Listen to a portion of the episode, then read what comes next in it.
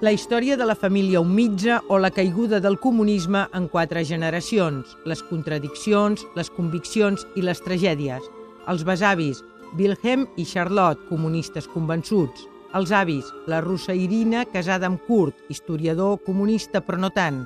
El net, Alexander, que fuig a l'Alemanya occidental abans de la caiguda del mur, i el besnet, Marcus, ja totalment integrat a l'oest.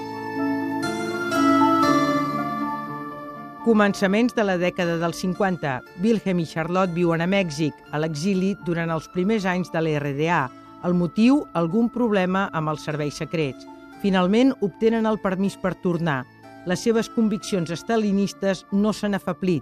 Cada setmana, el net, Alexander, un nen, els va veure al seu pis de Berlín.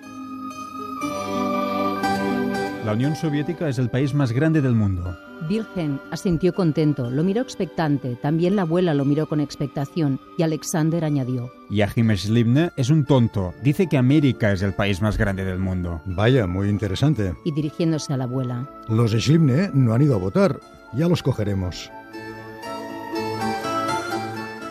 Kurt és fill de Wilhelm i Charlotte. Un dia de 1941, el llavors jove Kurt va escriure al seu germà amb ocasió del tractat d'amistat entre Stalin i Hitler. El futur revelarà si ha estat profitós fer amistat amb un criminal. El resultat, una pena de confinament de 10 anys en un camp de treballs als Urals.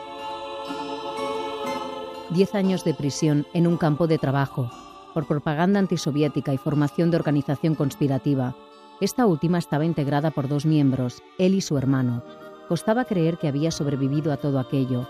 De nuevo la reminiscencia del Krijatsky que llevaba siempre encima, en el bolsillo del pecho, su última pertenencia aparte de la cuchara. Kurt torna a Berlín després de 20 anys a l'URSS. S'ha casat amb Irina, una russa. A manera de reparació pels anys de confinament, li donen un lloc a l'Acadèmia de Ciències. Les seves conviccions trontollen.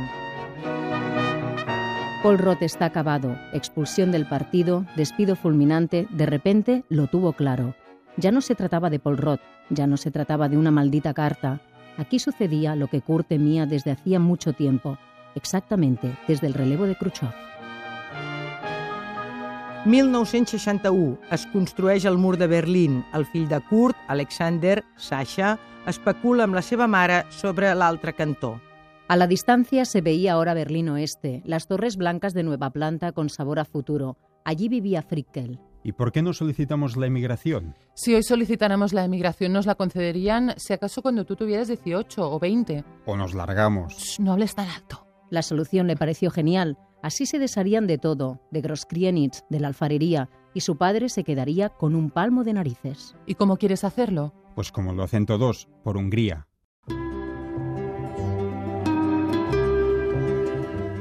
Alexander creix.